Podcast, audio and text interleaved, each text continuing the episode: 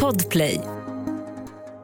Live från Studio 1, du lyssnar på The Daily Messiah, ditt nyhetsflöde med mig, Messiah Hallberg. Kristina Nordhager. John Wilander Lambrell.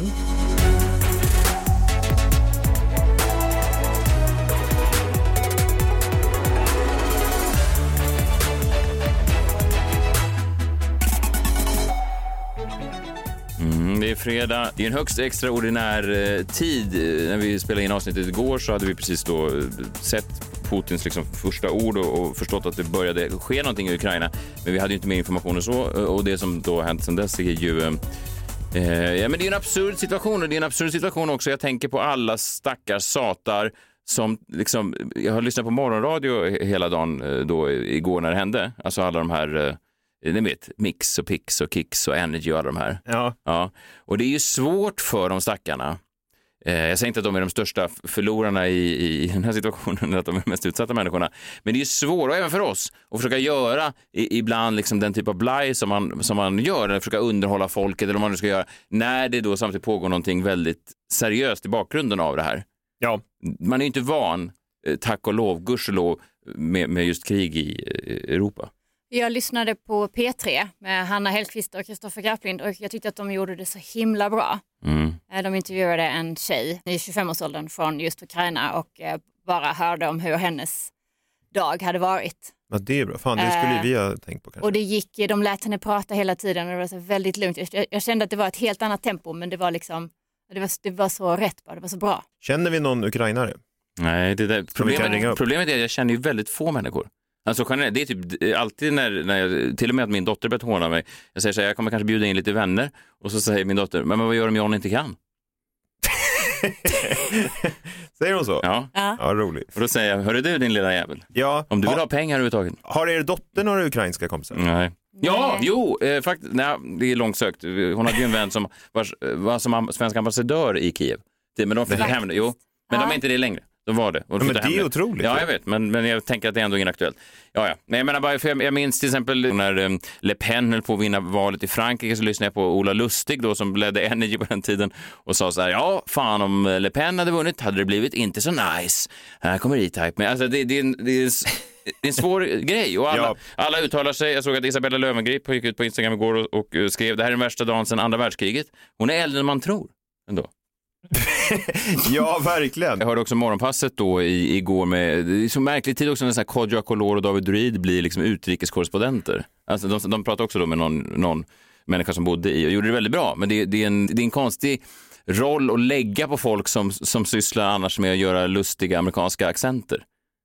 Ja, precis. Men de, Sveriges Radio, de är ändå duktiga på att de har ju alltid någon jävla korre någonstans som de kan ringa upp. Mm. Liksom. Det har ju inte vi på samma sätt. Nej, verkligen inte. Verkligen inte. Sen är det ju någonting, man kan ju tänka på det här med närhetsprincipen eh, som man pratar om i journalistiken, att det är ju att det är ju hemskt att det ska vara så, men det är ändå ganska naturligt att man plötsligt känner, man kä- alltså när, när det blir en krigssituation då i, i, ett- i ett område där folk på något sätt vad ska man säga, ter sig så som man själv, eller lever sina liv så som man själv lever sina liv, Mm. så blir det ju ofrånkomligen mer drabbande. Alltså det går ju inte att komma, alltså det pågår ju, den här typen av stridigheter pågår ju överallt, hela Överallt, tiden. ja. Nej, och man ska nog inte hyckla med att det, det det handlar om är att man själv, alltså att det ställer till kanske eventuellt för ens egna planer. Alltså man tänker så här, men mitt Thailandsflyg flyger ju för fan över Ukraina, hur blir det med det? Det tänker ju folk såklart. Ja, så tänker inte jag, men eh, Nej, men inte folk. jag heller. John. Nej, men folk, inte, inte er. Nej, men det är klart att man är rädd för att det ska drabba en, att det ska komma närmare en. Absolut. Och jag läste att det kan det stämma att det är 69 mil från Ukraina till Sverige. Jag såg att någon twittrade att det var 69 mil från Gotlands Ja, södra udde. Vad fan innebär det?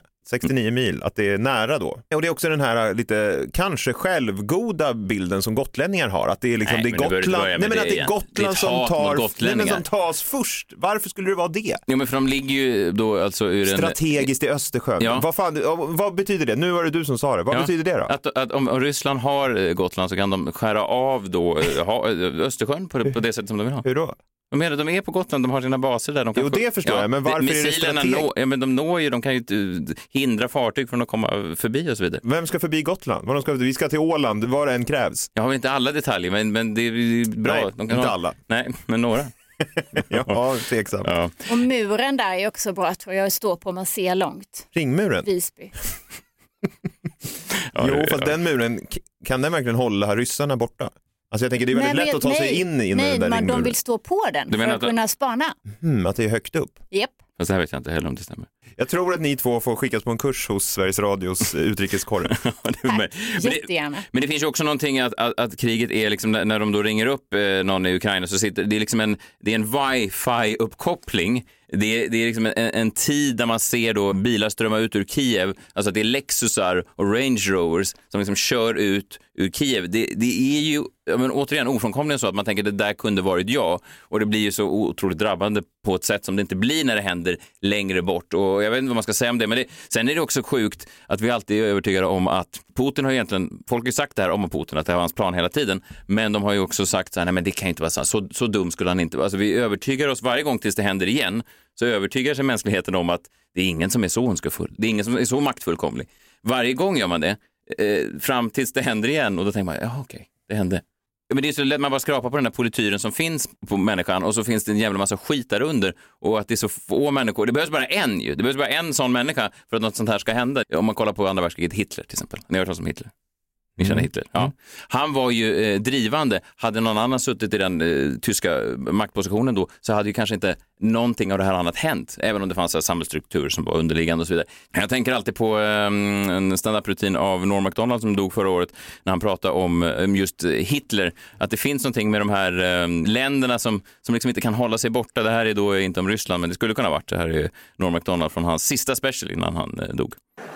The entire earth, there's only one country that frightens me, and it's the country of Germany.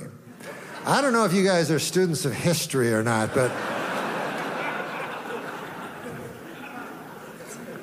For those of you who aren't, Germany, in the previous century, in the early part, they decided to go to, to war. And who did they choose to go to war with? The world.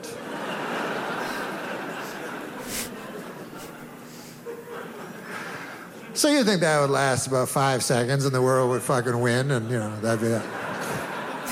But it was actually close. And then, I don't know how that wo- worked, but then 30 years pass and Germany decides to go to war again. And once again, they choose as their foe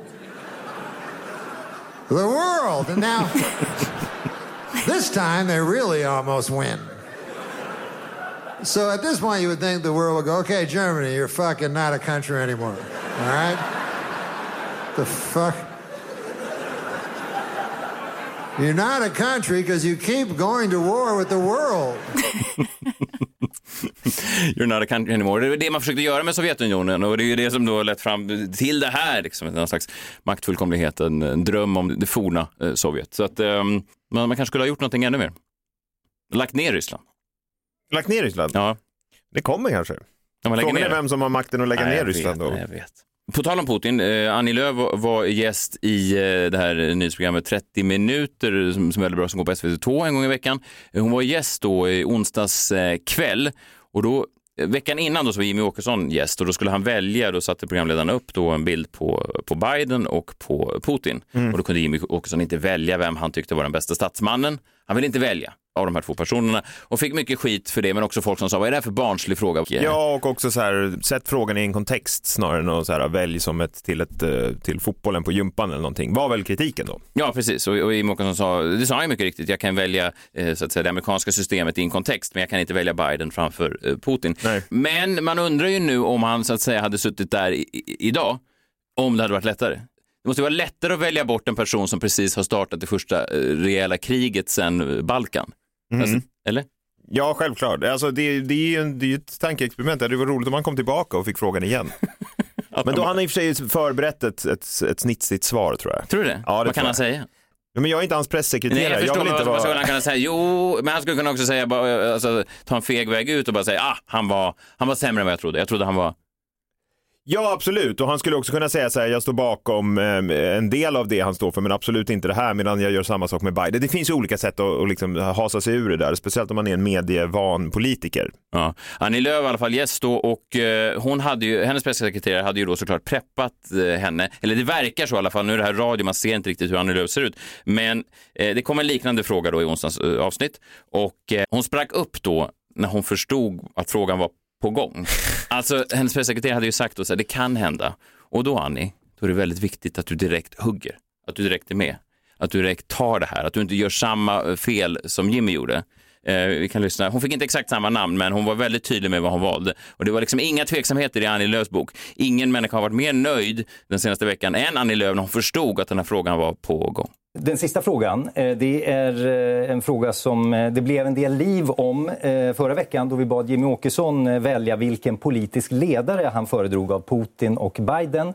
Vi tänkte ge dig en liknande möjlighet. Vem föredrar du av Putin och Trump? Trump, alla gånger.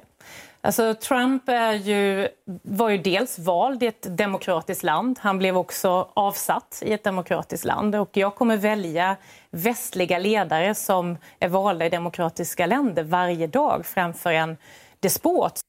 Mm, Hon, ja, jag vet. Verkligen. Ja, fast rätt ju. Ja, Eller rätt. Ja, rätt verkligen. Men, men, men, väldigt mycket en sån här, eh, vad, vad hade de i skolan? Oh, fröken, jag kan!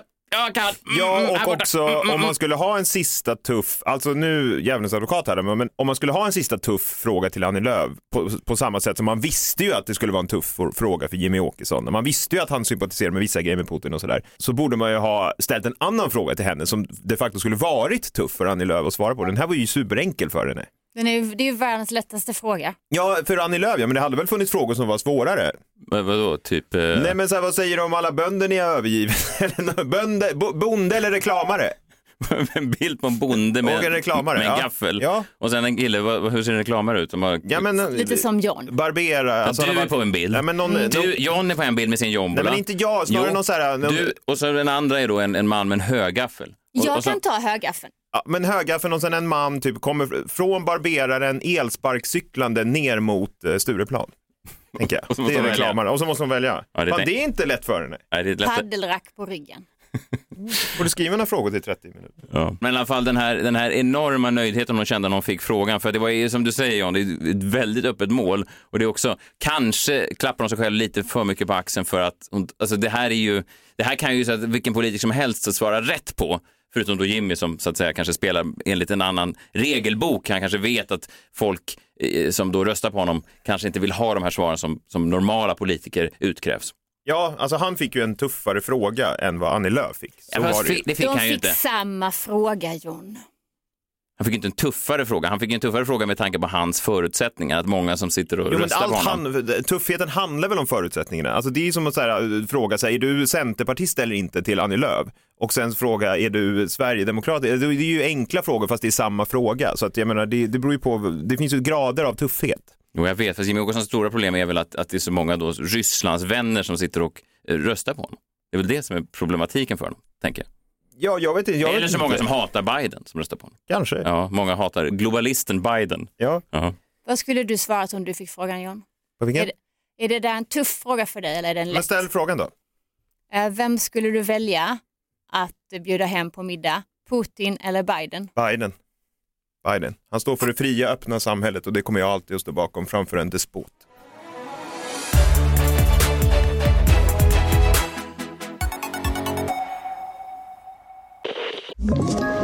Ett poddtips från Podplay.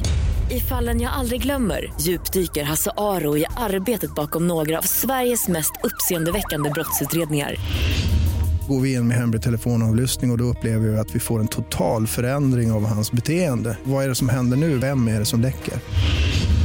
Och så säger han att jag är kriminell, jag har varit kriminell i hela mitt liv men att mörda ett barn, där går min gräns. Nya säsongen av Fallen jag aldrig glömmer på Podplay.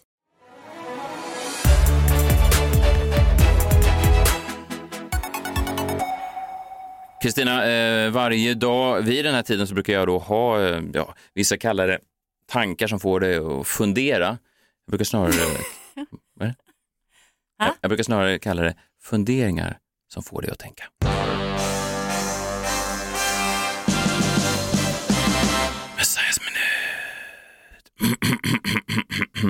Snabb Messiahs minut idag, 60 sekunder av eh, ja, men en, en, ett ganska obehagligt ämne ändå.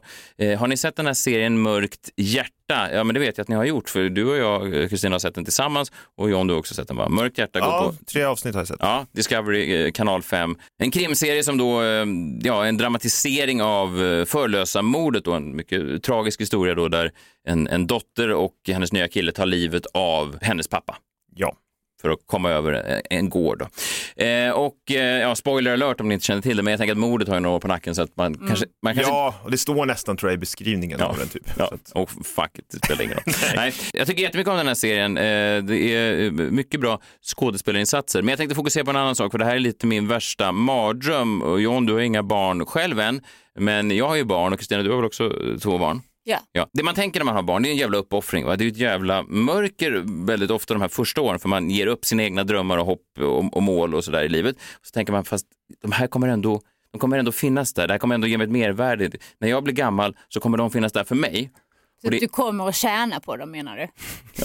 Ja, man säger att det kostar ungefär en miljon från att ett barn föds tills de tar studenten. Att, för, alltså, varje barn kostar ungefär en miljon. Jag tror att det är underkant. Jag tror att man lägger mer pengar. ja, och sen blir det väl dyrare efter det med bostad om ska Ja, köpa ja, så. ja, så jag att- vet. Jag vet. Men, men, men, men man tänker ändå att de här kommer ta hand om mig när jag är gammal. Så jag kommer få tillbaka det här. I alla fall, kanske inte i pengar, men i någon slags omtanke, omsorg.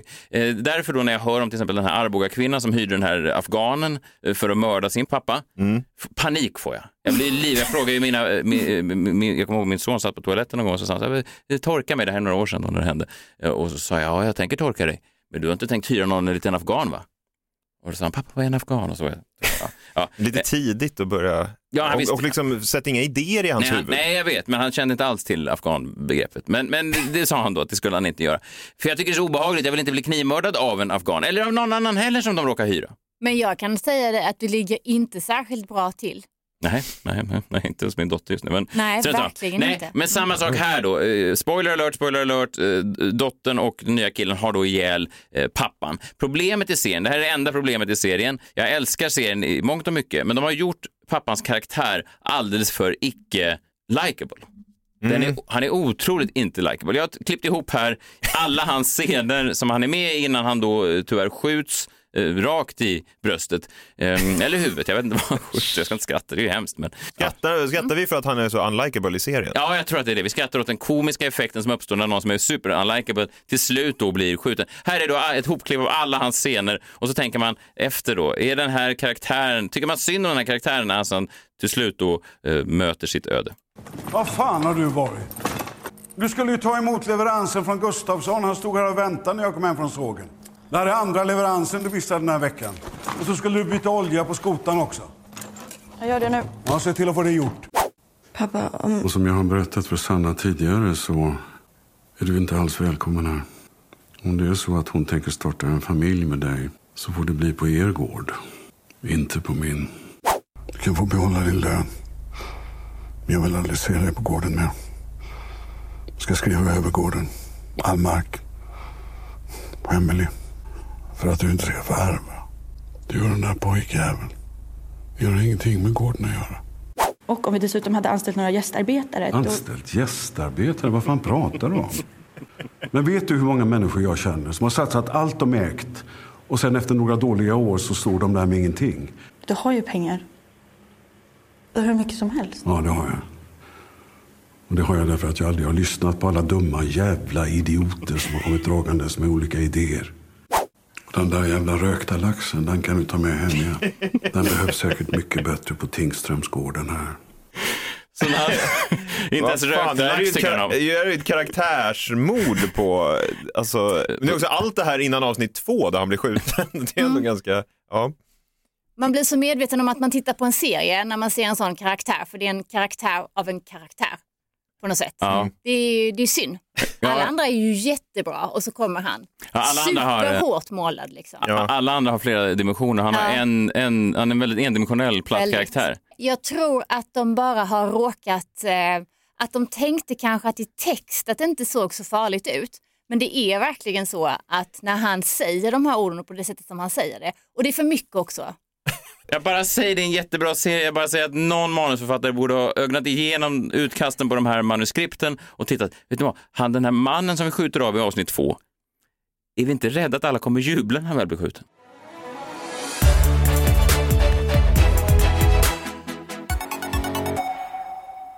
Det finns ju inte någon orolighet i världen som kan stoppa eh, Mello. I alla fall. Alltså det, det tror jag är inskrivet i de svenska grundlagarna. Det är nog det sista. Alltså när vi för två år sedan höll på att gå in i den här globala pandemin eh, så, så lät man ändå då eh, finalen gå av stapeln i, i eh, Friends. Just det. Man samlar liksom 80 000 smittkoppor på en och samma plats och så körde man. Det är ändå viktigt att Björkman får igenom sin, sin vision. Men eh, fjärde deltävlingen är i, imorgon och det här är då den helgen då de eh, tvingas flytta från eh, Avicii Arena och då flyttar de då för att Thomas Ledin ska ha sin födelsedagsfest eh, i Globen eh, den här helgen då. Så då måste de flytta till Friends och det är nu då eh, på lördag. Vad skulle ni välja? hans- Vad skulle ni välja? Hans födelsedagskalas eller gå på Mello? Sitta längst fram på Mellon på VIP Ja. eller vara på Thomas födelsedagskalas? Men jag, jag förstår inte vem som överhuvudtaget gillar Thomas Ledin. Jag älskar Thomas Ledin. Ja, men vad då? Men det beror ju på, vi har ju inte hört låtarna än. Efter vi har hört låtarna kan vi svara på det. Okej. Men det är hans födelsedagskalas, ni hade, det var rätt. Ja, det är ett stort... Ja, för, Ja, han firar Jättestort 70 kalas. år. Ja. ja, det är tårta och allting. Fiskdamm. Får alla i Ericsson Globe tårta? Ja, det tror jag. Oj. Du gillar Mello, va? Jag älskar Mello. Mm, vad har du för favoritlåt genom alla tider? Eh, och gud så svårt. Dover Calais Mm, det är bra. Style. Mm, det, är bra. Nej. det är bra. Eh, Vi brukar lyssna på alla eh, låtar då och så brukar vi eh, tycka till. John har då tagit fram ett system för det här. Om vi då gillar låten, eh, och det är viktigt här att vi gillar låten, det är ingen tippning som vi är ute efter. Vi är alltså inte ute efter att säga så här, det här tror jag går vidare till andra chans och så vidare. Nej, det är ointressant. Det tycker du är Det ointressant. finns bettingbolag man kan Ja, du, du tycker det är ointressant. Ska vi säga. Nej, lyssnarna tycker att det är Nej, det är du, du talar ju mycket för lyssnarna här om jag ska vara ärlig. Det är inte, de har inte, Vi har inte haft en omröstning och kommit fram till det här. Utan Nej, men det är ju bara sunt förnuft. Okej, just det. Så att det, om, Kristina, om du tycker till så är det alltså att din personliga åsikt. Tycker du att det här är bra eller inte? Om du gillar låten så kommer det låta så här. We are the winners of Eurovision. We are, we are, we are. Litauens eh, bidrag 2006. Men om du inte gillar en låt, då låter det så här. Det här var nästan lite för bra för Mello. Det var för bra för Mello, Omar Rudbergs klassiska bevingade citat. Okej, vi drar igång. På lördag, eh, först ut, Anna Bergendahl, eh, Higher Power. Det här är lite sista chansen. Det har ju varit ett jävligt uselt melloår tycker jag i alla fall. Tycker inte ni? Jo, tyvärr. Så här? Ja, jag minns, jag minns inte en låt. Jag minns Anders Bagges låt mest för att den var så hypad och det här att han satte det där äppelträdet som var så... Ja, och det är inget bra betyg att du inte Nej, men minns. jag minns eh, Cornelia. Ja, Hon var bra. Hon Fantastisk. var överlägsen. Ja. Ja. Men här har vi en låtskrivarduo eh, som jag tror mycket på. Det är därför jag säger att det är sista chansen med den här låten. Det är alltså Thomas Gesson och Bobby Ljunggren. Bobby Ljunggren gör entré i tävlingen. De har ju tidigare skrivit en massa låtar, bland annat då Carolas evighet. Som är, och det är ju, båda är gott då eh, kan man ju tycka, men vi får höra.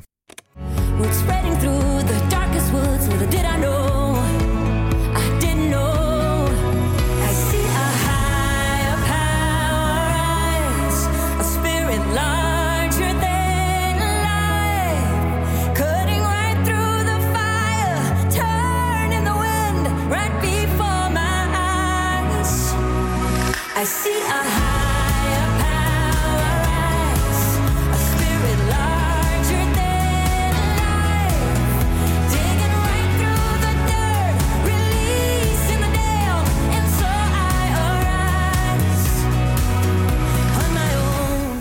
Jag minns 2010 när Anna Bergendahl vann då med This is my life och hon inte då, det är väl enda gången det har hänt som hon, då inte Sverige inte gick vidare till den stora finalen. Då blev jag så upprörd och då twittrade jag ut eh, orden avgå Björkman.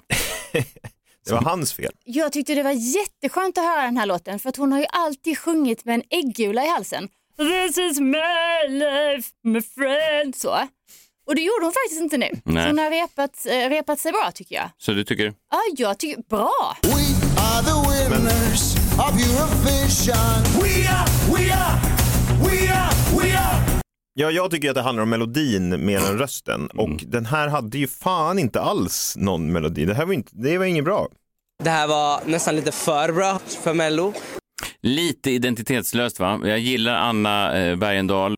Mest för att hon en gång kom och såg ett gig jag hade i snö. Alltid den bisatsen när du gillar något. Alltid. Ja, men, ja, men hon, det var snöstorm i Stockholm för kanske tio år sedan och då var det två människor som hade tagit sig in i den här källarklubben på Södermalm och då var hon en av dem. Och jag tyckte jag kommer alltid värdesätta henne för det, för den insatsen hon gjorde för Sverige då. Hon ville komma in i värmen. Ja, det är möjligt. Och dessutom så säger hon väl att det här, hennes låtar, det här är det är en trilogi, så det här är sista låten, att den bygger på de andra låtarna och det här är liksom slutet. Mhm. Det kanske du också tycker om. Nej, det vet jag. Men jag tyckte det var för anonymt tyvärr. Det här var nästan lite för bra för Mello. Även om jag gillar Anna. Okej, eh, bidrag nummer två.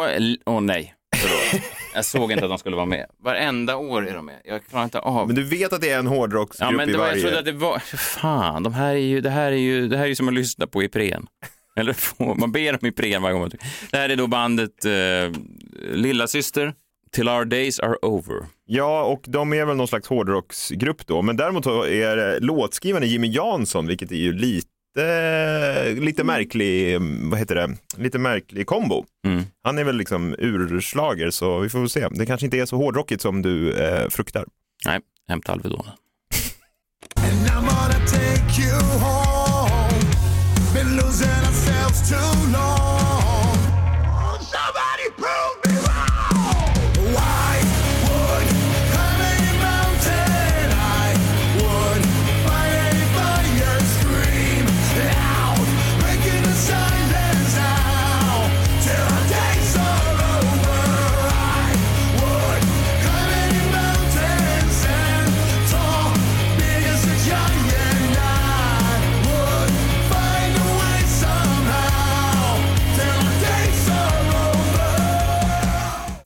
Alltså den kommer ju gå vidare, det hade jag kunnat säga utan att lyssna på den, men jag tycker Du pekar ner. två Det här var ner. nästan lite för bra för Mello.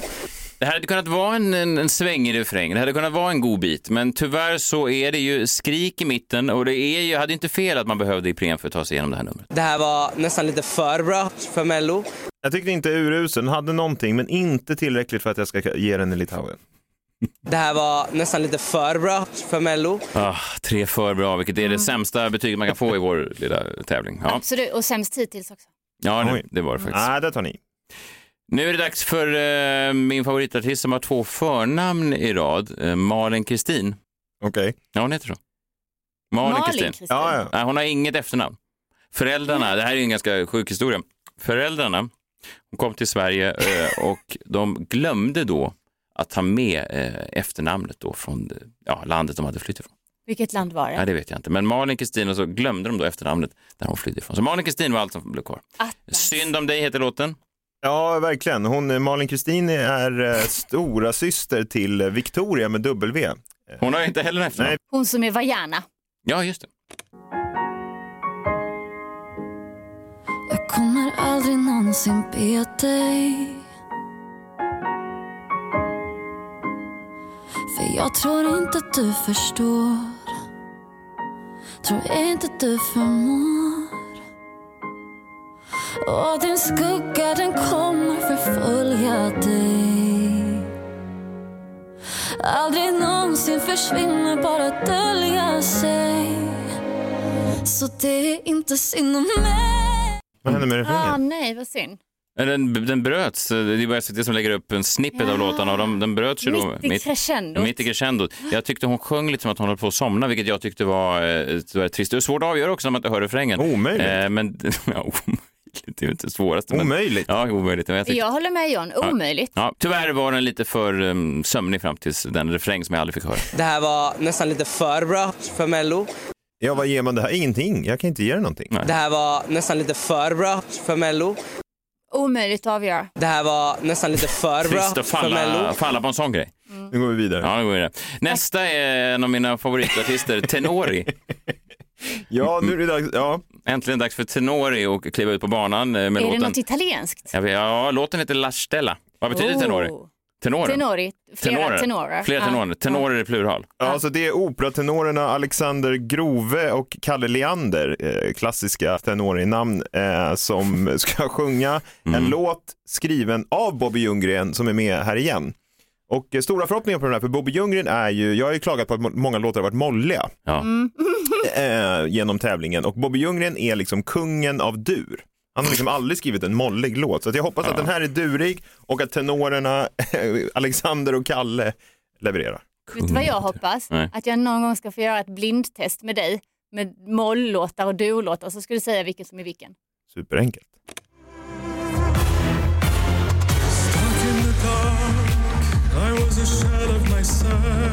Här är väl moll?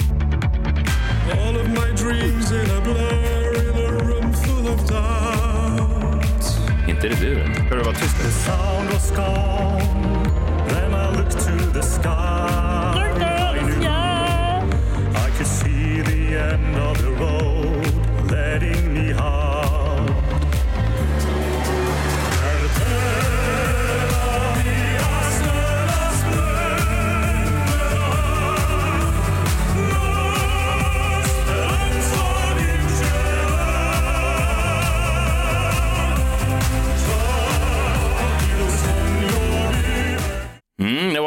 alla fall, det får man, det får man ge dem. Eh, det var väl lite så här ompa-pompa-musik, eller? Alltså jag älskar ju opera. Ja. Älskar. Men gillar absolut inte när de blandar in det Nej. med den här popmusiken. Gillar du inte Malena Ernman heller? Men det är det, det är det jag ska säga, den här går ju hem i stugorna. Det är precis Fredrik Kempe, Malena Ernman-grejset. Så att de här går ju vidare på en sekund. Nu tror jag att du har glömt bort spelreglerna. Vadå? Ah, jag fick inte, jag fick inte betta nej. Jo, du Det vet får, jag men du måste också berätta vad du tycker. tycker jag, jag tycker det är intressant. Och Okej. lyssnarna. Vad, vad jag tycker? Mm. Nej, jag tycker inte om den. Jag hade Det här kunnat- jag- var jag dela nästan lite den. för bra för Mello. John? Nej, dåligt. Det här var nästan lite för bra för Mello. Och med dåligt menar jag ingen melodi, ingen hook, utan ja, bara opera. Och Ja, med vackra röster. lite molligt va? Jag vet inte. Det här var nästan lite för bra för Mello. Vad negativa vi är hittills. Det är, Men det har ju varit sånt jävla skitår ja, det, emellan hittills. Ja, men nu John, upp med mungiporna. Här in på scen, Medina, eh, två av dina favoritkillar. In i dimman heter låten. Eh, Och eh, ja, jag har ingen relation till Medina. Jag har en gång jobbat Tele2-gig samtidigt som Medina. Har du någon relation till In i dimman? Eh, nej, det har jag inte. Men jag minns att de tog min loge och jag fick sitta i en skrubb. Vilket alltid har, varje gång jag har sett dem efter det har jag gett dem onda ögat. Sådär, inte till deras ansikte, men de ja, Låten är skriven av Jimmy Joker Törnfeldt i alla fall. har gett sig namnet själv. Ja, jag tror det. Ja, här är låten, In i dimman. Min kära lille, har du gått vilse? För denna vägen leder inte någonstans. Mamma sa till mig, gör guld av silver. Sen lever vi som inte morgondagen fanns. Nu ska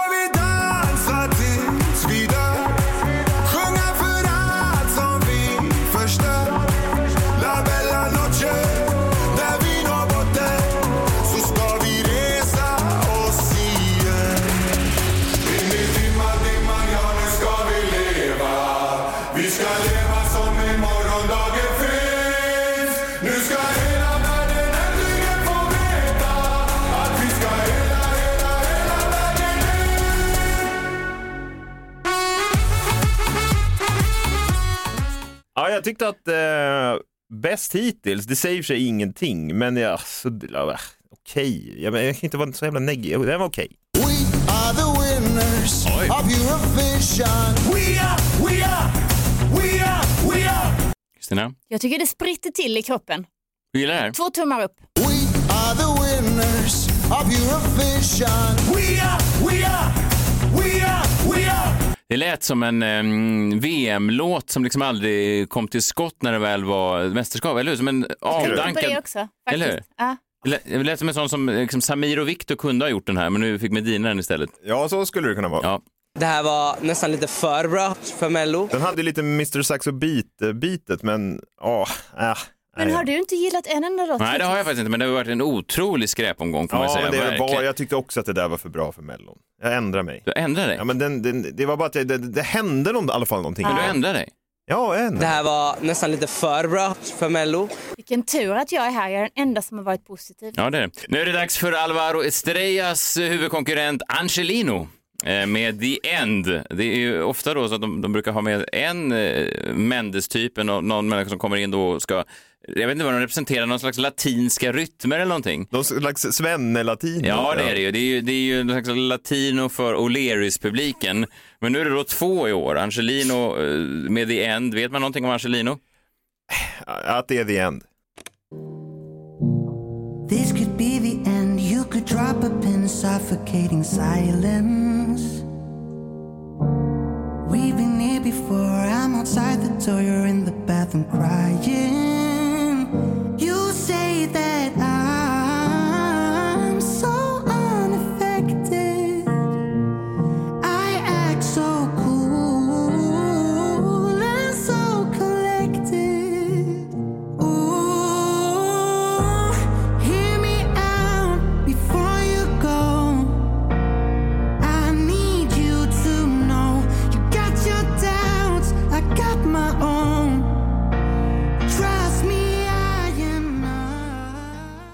Bäst hittills tyckte jag. Eh, ingen latinorytm överhuvudtaget, men, men bäst hittills. are the winners of Eurovision. We are, we are, we are, we are. Jättesvårt att avgöra. Den, den, jag kan inte säga om jag tycker om den eller inte. Mm, då vet jag inte vilken knapp det är. Men det kan man inte säga som Jimmy Åkesson, då, att, att om jag hade fått det i en kontext hade det varit lättare. Jo, det är sant. Kontexten är att eh, den här låten är med i Melodifestivalen då på lördag. Oh, två tummar upp. Are the winners of Eurovision. We are, we are, we are, we are. Den här sammanfattar, liksom, sammanfattar det här året, det är liksom inte uruselt men det är bara så här, det är liksom trist. Nej, det hände inte så mycket. Det hände liksom Nej. ingenting i hela tävlingen. Ah, ja, nu är det bara en låt kvar. Men nej, nej, ingen för bra. Det här var nästan lite för bra för Mello. Det är alltså en låt kvar av de då 28 låtar som är med i år. Och man undrar ju, det säger man ju ofta, men ofta brukar det ju vara några hittar och så brukar man tänka, är det här verkligen den bästa som har skickats in? Men i år känner man kanske mer så än någonsin, är det här verkligen de bästa låtarna som Sverige kan skrapa fram? För det har ju, förutom då Cornelia, eh, versen i Anders Bagge kanske, för refrängen är ganska Ja. tradig. Ja, jag håller med. Eh, Det är väl att Christer Ja, men- Björkman kanske behövs. Ja men det är faktiskt lite konstigt för jag tänker att det måste vara en sån enorm mängd av låtar som skickas in. Alltså. Eller hur? Ja, jag jag vet inte det hur många som skickas in. Vet du det John? Jag tror att det jag kan, kan det vara 2000 här läst Ja. någon gång. Kanske. Ja, om vi ska det vara helt ärliga så har vi inte faktakollat något i det här avsnittet, så att du kan nog gissa. Ja, 2000. Åh, så många. Ja. nu är det bara en låt av de 2000 bidrag som har skickats in i år kvar och det är den vi ska lyssna på nu. Det är Klara Hammersmith, Hammarström med Run to the Hills. Ja, och det man kan säga om den här är ju att eh, den här placeringen är väl det mest intressanta. Det vill säga Ah. SVT tenderar ju att placera den låten som de tror mest på absolut sist i tävlingen och den, har ju, den, låten, den placeringen har ju också avsevärt högst procentuell chans att vinna varje år. Gud vad du kan mycket. Nej men så jag bara menar att det är väl det mest intressanta med det här och sen så kanske, ni gillar väl Klara Hammarström också? Det, gör- det, Älskar. det gör jag med tror jag. Hennes låt eh, Beat of a broken heart, eh, som var med, var det ett eller två år sedan? Ja, strunt samma. Den var bra. Otrolig låt. Ja, den var bra. Refrängen på den. Jättebra. Och den Fantastisk där låt. dräkten hon hade på sig. Jag vet. Jag tror Fredrik Kempe hade skrivit den. Den här gången är det Jimmy Joker Törnfeldt som har skrivit den eh, tillsammans med Anders Batman Wrethov. Cause the pain of you is in my every cell and it's pumping through my veins.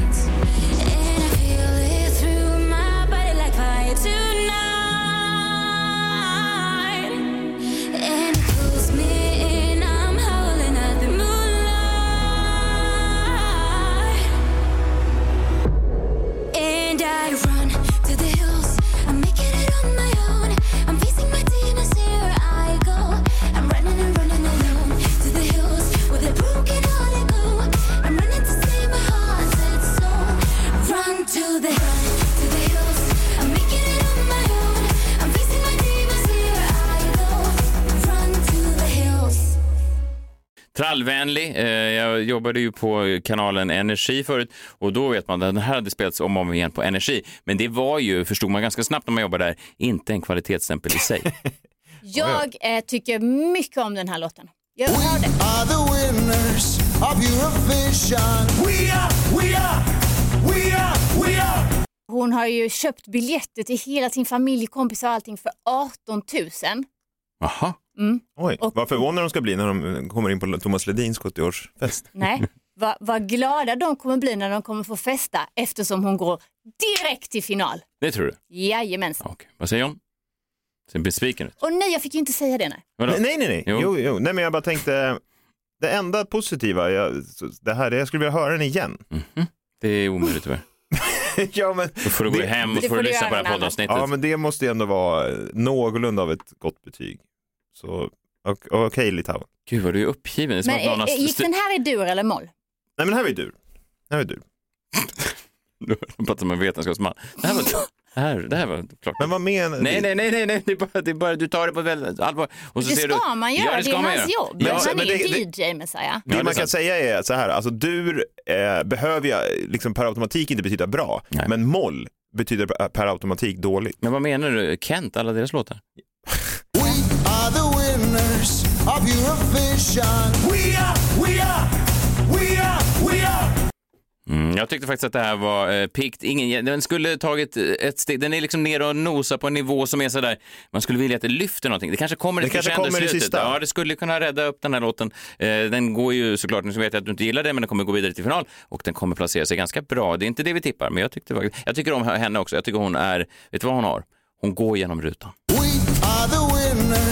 Of Eurovision. We are, we are, we are, we are. Ja, men det som är skönt nu är att det är sista gången vi hörde den där Litauen-slingan för, för i år.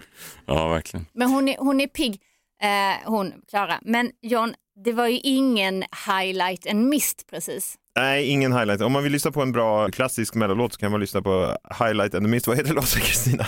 Den heter eh, Come and get me now. Come and get me now. Mm, när var den här ens med? Jag vet inte, men den kom ja. sist. Ja, det, det jag vet inte om det är kvalitetstecken eller inte, men den gillar ni. Älskar. Ja.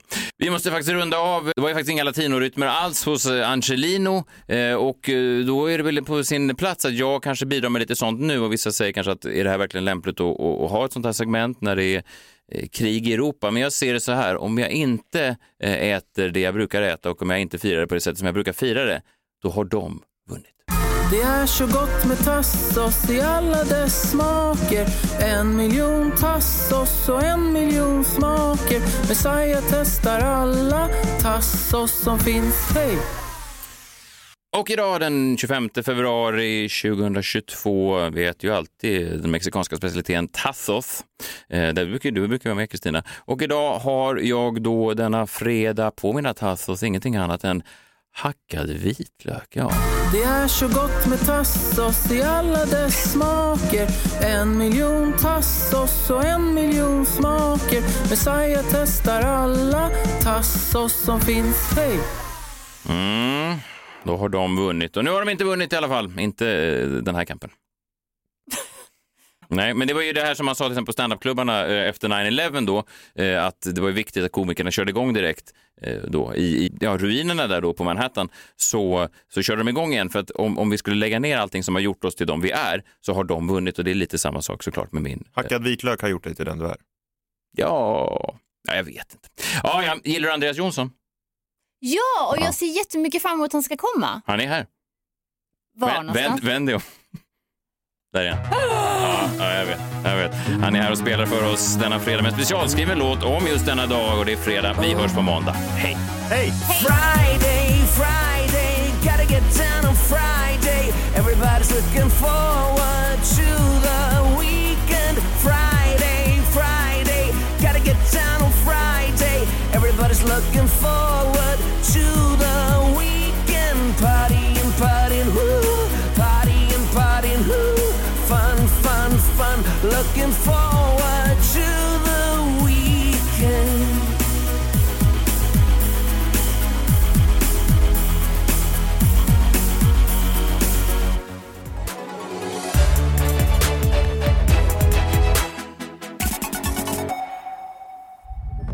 Podplay, en del av Power Media.